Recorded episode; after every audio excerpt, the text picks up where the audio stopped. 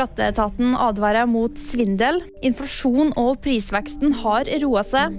Og tidligere Jehovas vitne står bak skytinger i Hamburg. Skatteetaten går nå ut og advarer mot svindel.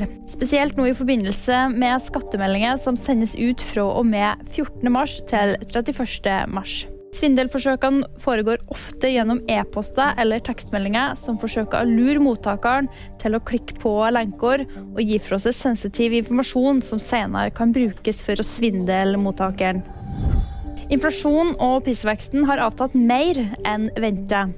Det viser tall fra Statistisk sentralbyrå fredag. Prisveksten økte med 6,3% i februar sammenlignet med februar i fjor. Inflasjon økte med 5,9 men det var ventet av økonomer at prisveksten vil øke med 6,8% og inflasjon med 6,3% Det ifølge den amerikanske økonomiavise Bloomberg. SSB venter også at Norges Bank når en rentetopp på 3,25% innen juni. Tidligere Jehovas vitne står bak skytinger i Hamburg. Åtte personer er drept og flere er skadet etter skyteepisoden torsdag kveld. Den skjedde i et lokale tilhørende Jehovas vitne i den tyske byen.